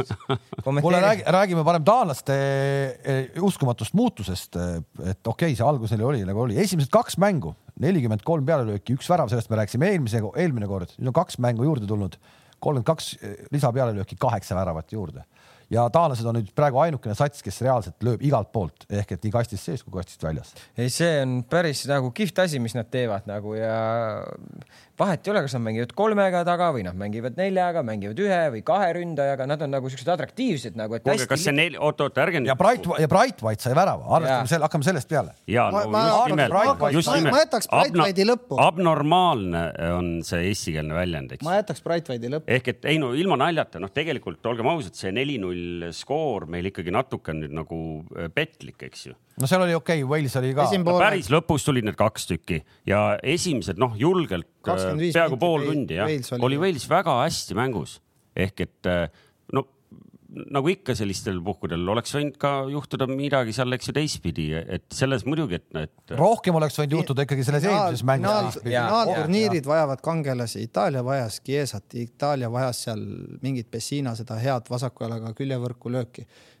Keesa uskumatu, see otsaässisega, see palli see... allavõtmine, kõik asjad, et sa vajad neid kangelasi, sa vajad päästjaid, Portugal vajas Jotat, pane see klõpsaki sisse seal, okei okay,, löönud esimest tasakaalu, löö teine. sul on vaja neid päästjaid, kangelasi ümber staaride, neid teisi kangelasi veel, kelle äh, Forsberg rootslastel, et kes tõusevad sinna nagu veidi fööniksina ka. Tolberg, löö lahti Vikipeedia, loe, päris huvitav lugu, see on tegelikult kõva kutt, aga jälle ma ei, ei, ma ei teadnud tast nii palju tõenäoliselt mu jalka, jalkasõbrad ka, kellega me oleme aastaid jalgpalli jälginud, hästi ei tea Tolbergi, aga see, selle venna lugu on väga kihvt. Ajaks kodustaadion, lööb sinna küljevõrku, nagu ta lööb, ta oli mängude muutja seal Hollandi liigas, ta oli aasta parim noor Taanis, ta oli aasta parim noor Hollandis, ta läheb Nice'i, tal Nice'is äh, kuramuse varga näost võistkonnakaaslane varastab kuuekümne tonniga kella ära, no mingit, saad aru mm, -hmm. lugemist on nagu onju. ja tema tõuseb kangelaseks, supervärav. mina ütlen, see värav murdis Walesi, ta murdis, sest see oli nii ilus, see oli hästi löödud. See andis uue hingamise jälle ka Bright White'ile ja, ja teistele kõigile, et nad, mängijad saavad usku, et meil ju tuleb. ei, ja, ja nüüd juba et, räägitakse. et oleks tõde, et oleks tõde ikkagi nagu siis. ei, tõde on Toomas, Taani neli, Wales null. just, ma kirjutan siia, et alates, eks ju, sellest esimesest seal pooltunnist Taani mäng, ma olen kirjutanud siia, isegi Bright White oli hea. ja näiteks sellel Tolbergil on ka Sten Olsen on tema agent kes on Zlatani üles korjanud, kes on Ericssoni jällegi, et noh, et, et me nagu, et minu jaoks ei ole nagu üllatus, kui ma seda lugu tean, kui ma lugu ei tea, siis mõtlen, kes kuradi Tolberg on või, või, või kus ta nüüd, et jah, et me teame, et Taani on hea, aga et kui lööks Peil värava, siis noh, terve maailm, no see on Peil ju nagu. praegu lõi Tolberg, lõi veel ilusama, kui siin Peil on löönud viimasel ajal aga keegi ju ei räägi, et oo oh, ja, ja see on ju see Reali mees. ja aga omal, omal moel ühe mehe individuaalne meisterlikkus noh, nagu me võime ikkagi siis sel juhul kokku võtta, võib-olla otsustas selle mängu ära, sa ütled, et peale seda, eks ju, Walesil nagu noh, mast oli maas, eks ju. ja noh, pärast tuli teine ka, ma ütlesin, kolmas, neljas, neljas, mille lõi siis Martin Brightwhite kuidas see suluseisus üleüldse ei olnud? ära nüüd sa jälle. tõmbas ka. joon lauad on tõmmatud. ära hakka midagi ära võtma. õlg on pool meetrit, pool meetrit. oli küll, oli küll. oli, oli, vaatas üle. aga ilusti lõi ei, just seda ma imestangi, et Varr vaatas ja ütles, et ei ole. sest et ta oli ise ka juba loobunud. ja muidugi, sest et vaatasid, et kurat, no ta peab saama las see olla vist, noh, see ei muuda Aga..., see ei muuda ja, mängu. ja tuleme tagasi jälle selle harrastusantropoloog, nagu ta ise ütleb, ennustuse juurde, kus tal Taani tuli Euroopa meister. seda küll, ma samal siis, ajal kogu aeg ju pean meeles pidama. no mäletad, mäletan minu seda Al Jazeera arvutit, seal oli, seal oli Tšehhi, Tšehhi ja Taani finaalis või? sul oli finaalis vist ja? ei, ei olnud. ei oli. oli, oli, oli, oli, oli, oli ja, ja seal oli ju kõik täpselt ära, kes, kes välja, kellegi välja lööb ja Tšehhi ja Taani olid, oli finaalis, aga kas tol, see, mis hetkel ta? see oli ennem turniiri algust, täitsa ennem turniiri algust. aa, okei okay,. Taanist oli juttu. ja täiesti ja. ennem turniiri algust. arvuti on viirust täis. aga ma ei saa aru, kas nad saavad, ma ei, kas nad tulevad praegu ühe poole pealt või? kas sa sealt Nigeeriast saad ka ikka neid kirju ja neile ka kõigile vastad või? no aga sealt oled võitnud miljoni jälle. sealt ma teeningi kuskilt peab teenima ka ju.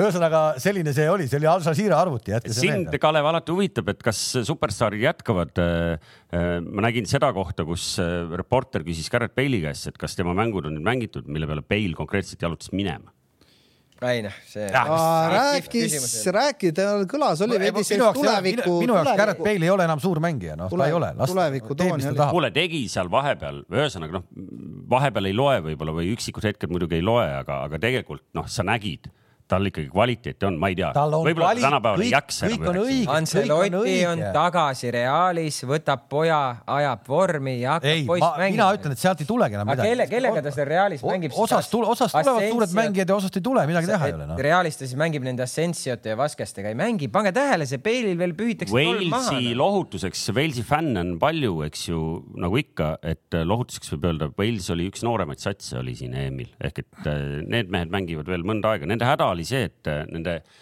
algkoosseisu meestel või noh, nii-öelda nende koondise põhimeestel on klubides muidugi on nad sellised poolpingimehed. kuule, lähme edasi. ja ta, Taani kohta ma ütleks seda, enne kui sa Petse ütled, et et Taani tundub jube värske ka, jube hea minekuga. mille Kuidagi, kohta ma küsin tea, kohe, et, et mis seis on Kääri ja Delaney'ga? Kääriga on ainukene vist, ma saan aru äh, suurem probleem. aga üleüldiselt terve sats nagu Värskid, jube hästi aga, liiguvad. aga, aga, aga noh, kui nad kodus mängivad, siis nad nagu tunduvad kohe sellised. nüüd ka... nad lähevad Bakuusse. nüüd nad lähevad Bakuusse, seal on, ma arvan, teistsuguse.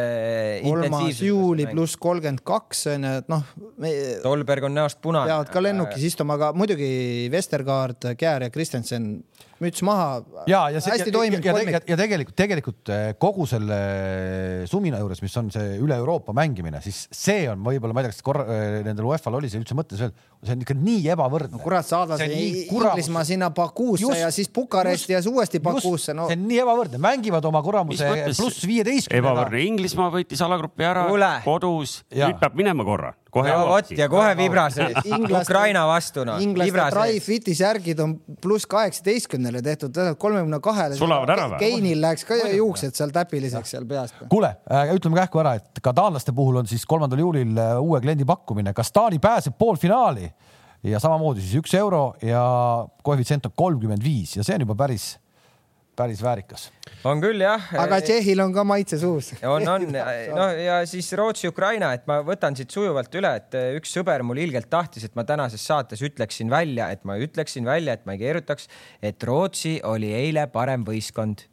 aga ma vaatan seisu, Ukraina kaks, Rootsi üks. kas ta protokollist on midagi? protokoll ei valeta, parem võistkond läks edasi ja ei, mul Rootsist kahju küll ei ole, mul puudub Rootsiga emotsionaalne side ja pigem ma, ma nagu elan kaasa vaprale Ukraina rahvale, eks ju, kes eile pakkus meil ikkagi selles mõttes nagu lustaka mängu, et, et, et see lõpp oli nagu eriti efektne, et et ma saan aru, et Karel on ainuke, kes teab, kes teadis enne seda meest ja me ka. Dovbõkki või? Dovbõkk ei, ma ennem ei teadnud, mul on pärast aga, aga kui ma kuulsin, et öeldi, et oh, see vend ei tea, kas lööb värava, siis see on EM, härrased, vahet ei ole, kes sinna väljakule jookseb, iga mängija, kes sinna väljakule läheb, tal on mingi lugu taga ja jällegi. no põkk, lööge lahti, lugege läbi. tema lugu oli praegu nüüd taga, täna vist oli see, kus ta ise ütles ju, et et ta läks väljakule, Ševtšenko ütles, sina ole kastis, kastis.. küll tuleb moment tuleb. ja just. peale just. selle ta oli väga ilusasti selle kolli momendis, ta ol,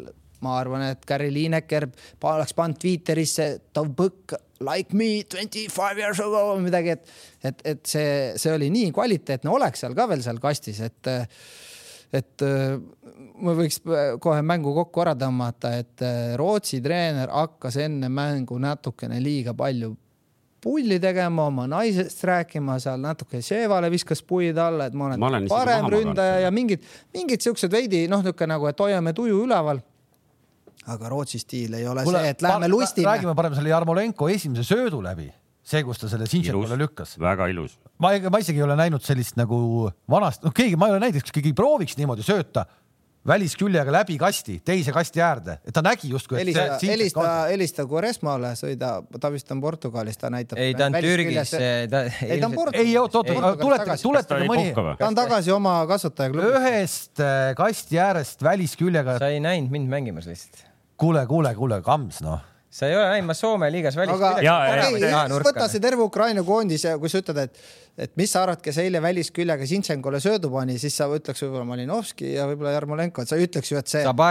See, kes see seal, Karavajev läks äärest läbi ja pani välisküljega. ei, lihtsalt nagu see, et noh, et mängija mõte on juba selline, see on juba minu arust nagu näitab, et noh, et see on nagu vägev, kui ta, kui ta mõtleb välja sellise asja. aga teate, kes veel enne mängu väga hea plaani välja mõtles? Ševtšenko, ta leidis lõpuks selle kolmiku sinna taha, keskkaitsjad, nad olid ju taktikalises skeemis neljakesi, tegelikult Vintsenko oli, oli nagu wingback. Nad mängisid ülesehitust kolmekesi ja Kravtsov äh,, Micha- äh,, see mm, ühesõnaga tagumine kolmik, see no noore kuti täitsa alles, mille peale ma olin veidi üllatunud, sest ta ei olnud head turniiri mänginud. Nüüd ta mängis niimoodi, et tal oli kõrval kaks head venda, need kaks head venda Äh, pärast ütlen nimed ne,, nemad mängisid tegelikult varem paarina ja nad on Donetski Sahtjori põhipaar olnud. Matvienko ja. Matvienko ja. Zabarni. ei olnud Zabarni, ei ole Zabarni. tal oli kolm Sahtjori venda. hüppeliigest vigastas seal lõpus, Krõtsov. Krõtsov, jah. jah, see kr krõnksnina et need olid tal tegelikult põhikeskkaitsjad varem ja ma olin üllatunud, miks ta ei alusta turniiri kogenud keskkaitsjatega, kui sul on pingil see mängija olemas. Me ei tea jälle, võib-olla seal hüpekas andis tunda, võeti ikkagi turniirile kaasa, et see noor kutt on saanud minu meelest natukene avanssi liiga pikalt ja palju, aga vaat nüüd selles kolmikus see, see taktika toimis sellest, et Jarmolenko sai seal üleval veidi seal teistmoodi vagu kõnda, kurat, tal see otsaesine käis ja ta läks seal jälle aga ta ei olnud enam äärepoolik. ta ei pidanud nii hetk, sügavale sinna alla. selle Jarmolenko puhul mingi hetk tundub nagu, et kuulge, et nüüd tooge, to, tooge Kanderama, viige see vend väljakult ära, et see samm ja. on nagu nii raske, noh, et. aga sisu on olemas, et ta seal punnib ja punnib. ja, ja, ja jälle vaatame, aga jälle vaatame, nüüd jälle paneb selle Stepanenko sinna kaitseliini ette, onju. pigem on asjad korras, aga Ukrainal muidugi iga mäng ikkagi lüüakse nagu, et see, see on ikkagi neil murekoht. sealt ikka ja mitte nagu Hispaania, aga.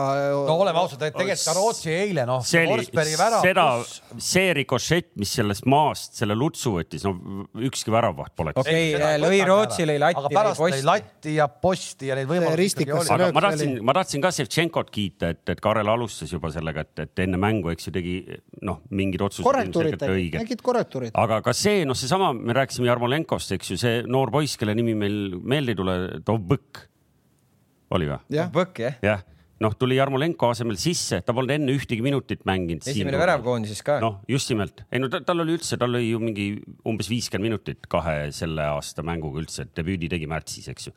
aga just nimelt mingil hetkel ta otsustas, ma panen selle poisi nüüd äkki sisse ja mingi plaan oli, võib-olla mõtles penaltite peale. tal ei olnud võib-olla ka variante enam seal väga palju, et, et ja, ja pluss Rootsi kümnekesi, eks, et, et, et. ei no ma oli... lihtsalt tahtsin ikkagi nagu Ševtšenkot nagu kiita, et noh, midagi tal läks ikkagi väga no,. Rootsi kümnekesi, viime pallid kasti, onju ehk siis sa ju tead selle mängija kvaliteeti Ukraina..., mida sa siis tahad seal saada lõpus no?. Ukraina mängis mitte omale sellist truud jalgpalli äh,, läksid kordades pragmaatilisemaks, olid analüüsid ära teinud, nii ei saa mis me neid vänne ikka rõõmustame oma lõbusa jalgpalliga, nüüd on see hetk, kus Rootsiga on meil tegelikult variant mängime kindla peale, ootame neid momente, Sinsenko sai selle kätte, sai oma selle tiha-tiha ka ära karjuda terve maailmale.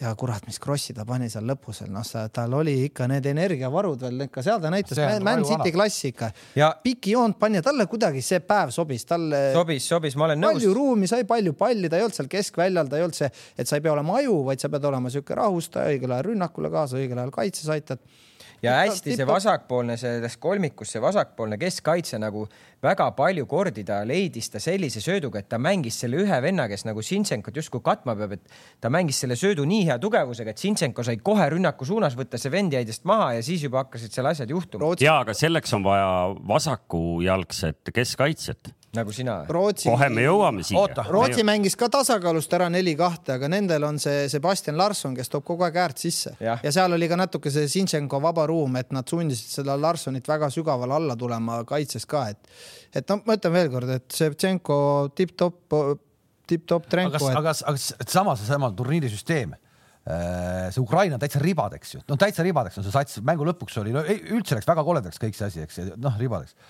kas nad oleksid täna seal, kus nad praegu on, kui nad ei oleks saanud põhimõtteliselt äh, täiesti teise graafikaga mängida kui ülejäänud satsid kaheksa päeva, mitte midagi, äh, mitte mingeid mänge, mitte midagi, rahulikult valmistuda ainult selleks mänguks. mõnikord see pikk paus on pluss, mõnikord on miinus, et see on, äh, kus nad seal mängisid, neil ei olnud vist, me, me ei tea, kus nad laagerdasid või midagi, aga eh, ma arvan, et neil läks võib-olla kaks päeva üldse seal emotsionaalselt äh, võistkonna käivitamiseks peale seda, kui nad lõpuks Edasi ikkagi teada said. et me mõnikord mõtleme, oh, homme trenn ja kõik korras, et seal võib-olla mõni. ei, seal oli, ma arvan, paar vaba päeva kindlasti, võib-olla mingi meeskonnaüritus. joodi õlut noh, mõned õlled ikka Jarmolenko tegi, kui vaadata, kuidas ta ikkagi. no need, need mehed ikka teevad. Need mehed ikka teevad.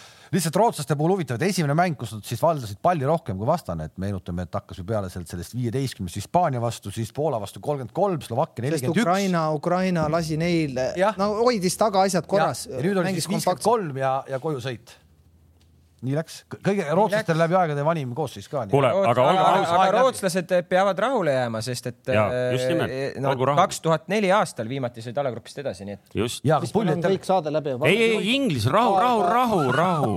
Inglismaa ka veel, ei no Inglismaaga on asjad. mul ei ole ühtegi märget. mul on Inglismaa kohta ainult üks märk. Toomas, ma ütlen, ma juhatan ainult nagu selle, et Inglismaaga on kõik selge, ma võtan kokku. Southgate on geenius, läks mängima kolmega taga nüüd äh, see punase peaga poiss. isegi selle juures suutis vea teha. punase peaga poiss Ed Sheeran teeb nüüd laulu ilmselt. Southgate on andeks saanud eksimuse Saksamaa vastu, penalti eksimuse ja Kriilis, no ma ei tea, talle ka ilmselt antakse mingi tiitel, sest Prints oli ka ju eile mängu vaatamas, nii et. ei, no ütleme nii, et äh, see, et ta läks kolmega, on, on absoluutselt õige, kuigi Kams, oled sa endiselt nagu veendunud, et kolmega ei tule? olen ja olen, kes on jäänud, aga kes on jäänud? oota, oota, ma, räägin ära, ma räägin mu enda mure sellega. nüüd on Ševtšenko ka veel kolme. kõige naljakam on see, et noh, Harry Maguire on, on päris hea, aga. Jürgen Klinsmann ütles, et ta on liider no ilmselt aga, aga, aga ongi, oota, hakkame. tead, mis, aga traagiline. Pole löödud mitte ühtegi väravat. just, traagiline on see, et nad on seal kolmekesi, kõik on paremjalgsed, nendest kõige vasakpoolne Maguire, eks ju. ja nüüd on nagu nii, mis noh, siin õppinud mehed teavad, kuhu ma jutuga jõuan.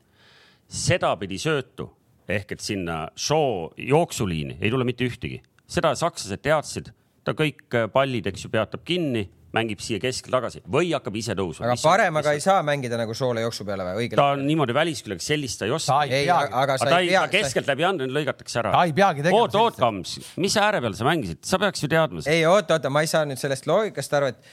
ühesõnaga, ma tahan jõuda sinna, ma tahan jõuda sinna, et äh, ta peaks seal kolmikus tegema selle vangerduse, et äh, ilmselt peaks Äh, kas, kas Kyle Walkeri jätma paremale nagu wingback'iks Trippieri asemel ja äh, ühesõnaga ma tahan tuua äh, seda, Taron Minksi tahan sisse tuua ja ei noh, seda ta ilmselt, ilmselt noh, ta ikka, tal ei ole põhjust seda teha, tal ei ole põhjust seda teha. tal oli eile vaja see sakslased ära tappa, et sakslased ja sellega said nad väga hästi hakkama. muidu tal tekib sama dilemma nagu Deschamsil, et kui nüüd Ševtšenko sai oma maitse sellest wingback idest ja viiesest kaitseliinist kätte ja kuidagi toimis ja panen sinna ette Jaremtšuki, Jarmolenko, midagi see West Hami hull seal ikka leiutab, äkki kõksab ära, läheb see England is coming home veidi tudisema seal. Southgate võib samasuguses olukorras nagu Deschamps, ma ei saa minna nende vastu kolmega, muidu mul see Kipembel, Engle ja need seisid seal Varanega kolmekesi taga, kaitsesid mitte kedagi. et ta, et keda ma seal kolmekesi kaitsen, et ma arvan, et inglased lähevad neljaga uuesti, sest nad saavad lihtsalt viia veel rohkem jõude ülesse, sest nõrk koht Ukrainal ei ole nende Kaitsi. nii suur tugevus ei ole kiire üleminek, neil on pikk rünnak, on nende tugevus. aga seda sellel eelmine ei lasta, vaid nende kaitseliin on nõrk koht, sinna on vaja rohkem mehi viia. et kui sa mängid taga kolme keskkaitsega, siis võib juhtuda see, et sa kaitsed üksinda seal võib-olla ühte tippu jäänud ründajat, et äh, tekib tobe olukord, kus keskkaitse võib olla üks-ühe vastu Järemtšukiga. aga, aga ometi noh, muidugi äh, Shaw saab mängida ka neljases liinis, eks ju, vasak, vasakkaitse koha peal ehk et äh, ma alguses, ma jõudsin endale juba kirja panna, et noh, et, et. koosseisu järgmise, järgmise mängu koosseisu. võiks, võiks palju, võiks palju aktiivsem olla ääre peal, eks ju. aga lõpuks, kui me vaatame nüüd, kuidas väravad sündisid, siis mõlema värava juures oli Shaw oli nagu väga-väga äh, tähtsal kohal eks ju, esimeses andis selle, selle söödukasti lõpuks, äh, mis äh, Sterling ära lõi ja teise alguses ta võidab äh, keskringis palli, eks ju, ta põhimõtteliselt tuleb nagu, nagu, nagu Messi tuleb sealt keskelt ja lükkab sinna vasakule, kus siis see pärast tuleb, eks ju, sealt tagasi. järgmises hästi. mängus Inglismaa mängib neli, kaks, kolm, ühte, sest tal on väga hea keskväljapaar nüüd lõpuks välja tekkinud, ta toob Grealish'i kümne peale. mind ajab see keskväljapaar natuke närvi. ta paneb Keini tippu Sterlingu äärde. see, see keskväljapaar veel kord, no tänaseks ei ole inglastele löödud mitte ühtegi väravat. Need on masinad. ja ei, ma olen nõus. mina ei ole, mina ei saa sellest Declan Rice'i haibist aru. ma ei saa ka aru see on sama nagu Martin Vungiga. Martin Vungile saadame siit tervisi ja me tegelikult oleme tema talendi austajad, kes pole veel aru saanud, aga tegelikult ka ta on natukene nagu meil oli Martin Vunk, eks ju, ehk et kõik söödud lähevad tagasi.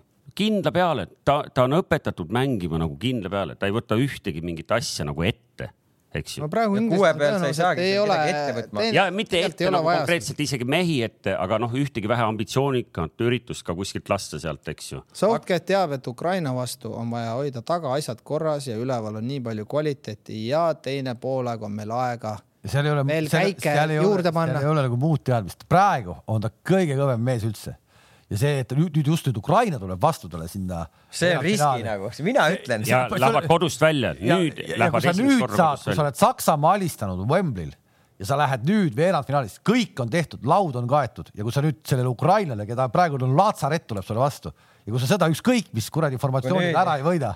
kui Seljanka kõhu peale tõmbad, siis on kõik, siis on kõik. seal läheb president sõidab jälle Roomas, käib sealt riietusruumist läbi ukrainlastel ja viskab paberilehed nina alla, palju seal preemiat tuleb ja küll need ellu ärkavad. ei, mina, mina ütlen, see tuleb huvitav mäng selles suhtes, et ma, ma ei hakkaks ka nagu seda Inglismaa hurraaga veel kaasa minema nagu, et ma tean. rahu, rahu, Kein lõi vära. ja, Kein lõi vära. mis sa, mis sa kirjutasid? mis sa kirjutasid, mis sa kirjutasid kahekümne esimesel minutil, ta kirjutab sinna gruppi kakskümmend üks minutit mängitud, Kein null pallipuudet. aga oli ju. no aga Krelšit polnud väljakul veel ju, seda meest on vaja. aga mina panin ainult kaks märget, mis te arvate no., aga vaatame nüüd läbi teist värvi särgi ka, mul on kaks korda kirjutatud kirjutatud Müller. no Müller nagu kaks korda. Müller jah. see üks-ühele moment, see on jalgpall, see on jalgpall ei lahendanud ära, sest jälle Hummels pani oma värava, Müller ei suutnud päästa, kadunud pojad toodi tagasi ja löövile kandikule tagasi ei andnud midagi. ja ta kuradi Ants läheb seda karistuslööki lööma, need käed olid tal niimoodi seal kroos eest ära. Haavers, mis sa siin tahad? Pilk oli selline. aga nii tulevadki kangelased. no nagu tuledki, aga mis sa siin nabasse lööd selle palli sealt ei, ma selles Mülleri olukorras kiidan ikkagi pigem nagu Bigfordi, et maailma kõige lühemate kätega väravvaht Äh, aga on teinud turna. väga hea. Kalev ütleb korra veel, et. Äh, mitte ühtegi väravat. ja, ja väga-väga hea, aga te teate neid Inglise koondise väravahte ka, et mingi hetk sealt tuleb rahu, mingi rahu. asi. ei, ei, ei, aga mis, mis mul silma jäi, oli see, et vaata, kui palju anti vahepeal sakslastele ruumi. inglased vajusid äh, alla ära. see oli teadlik, minu meelest oli teadlik, see oli teadlik taktika. kui sa mõtled, sul on vastas on Toni Kroos. aga seda ma mõtlesingi. Kroosil nii kehva päev. selles samas Itaalia-Austria mängus ma mõtlesin sama asja, et miks Itaalia ei tee sedasama, anna nendele puujalgadele seda võimalust ja nöölame ühe ära ja tehtud, lähme laiali ära. sest et äh, no. Itaalia tahab kohe kõrist kinni võtta ja hapnikku sul kinni pigistada. ja, aga nad ei õnnestunud noh, aga vot seal oli Saks Saksamaa mängus oli sama, inglased andsid noh no ühesõnaga jah, kuna nüüd kell jõuabki enam-vähem sinna, kus me peame otsi kokku tõmbama, me jõudsimegi ära vastata äh, siin saate alguses esitatud küsimusele, et kas Inglismaa tuleb äh, Euroopa meistriks ja, ja näib, et üksmeelne vastus on jah. ei ole teeme kähku ära ka veel, Betsafe annab miljoni. Toomas, ma saan aru, sa mängid seda mängu juba? ehk et see on siis niimoodi, et äh, sa hakkad vastama küsimustele. sul ongi miljon. sul on miljon, sul on praegu, põhimõtteliselt enda... meil istub praegu stuudios miljonär. kes tahab saada ma kirjeldan teile kiirelt, et äh, see käib nii, et Betsafe tõepoolest annab teile miljoni, seal on üks väike, väike trikk vaja ette ära teha, et te peate päris panusega kahekümne viie eurose mingisuguse spordipanuse tegema. pileti ostma, jah aga, aga siis tegelikult on teil miljon ja teil saate järjest kakskümmend küsimust ja ise otsustate, mis raha peale mängite. küsimused on jah, ei ehk et. Äh, viiskümmend protsenti. ja peale jah. kas peale... Toomas seal saab sõbrale ka helistada publiku abi kasutada? rahu, rahu, oota. ei, rahu, rahu. ja et inimesed tahavad teada ja, ja ise otsustate jah ja ei peale, kui palju panete oma alles jäävast rahast, nii et kui panete kakskümmend küsimust täppi ja, ja õigesti oma rahakotiga seal mängite, siis võite olla. miljonärid. miljonärid nagu õige varsti Te peate Gerdile väikese ärevuse andeks andma, ta on ju. ja, ja, ja. A Le Coq ju seal muru ja. juba kärssab vaikselt. siin on puutsad on jalas juba ammu. ja käisin ka betsafeliiga.ee lehel vaatamas, kuidas mul läheb. ma magasin jaani, ja ma, ma jagasin jaanipäeval, magasin kaks päeva maha ja selles, kui me selle koefitsiendi sinna juurde paneme, siis ma oleks top kümnes, ma arvan, sest praegu mul on kaks päeva vahele jäänud, kuna oli võrkpallivõistlus ja tantsupidu äh,, siis äh,. mitmendaks sa seal võrkpallivõistlusel jäid muidu äh,?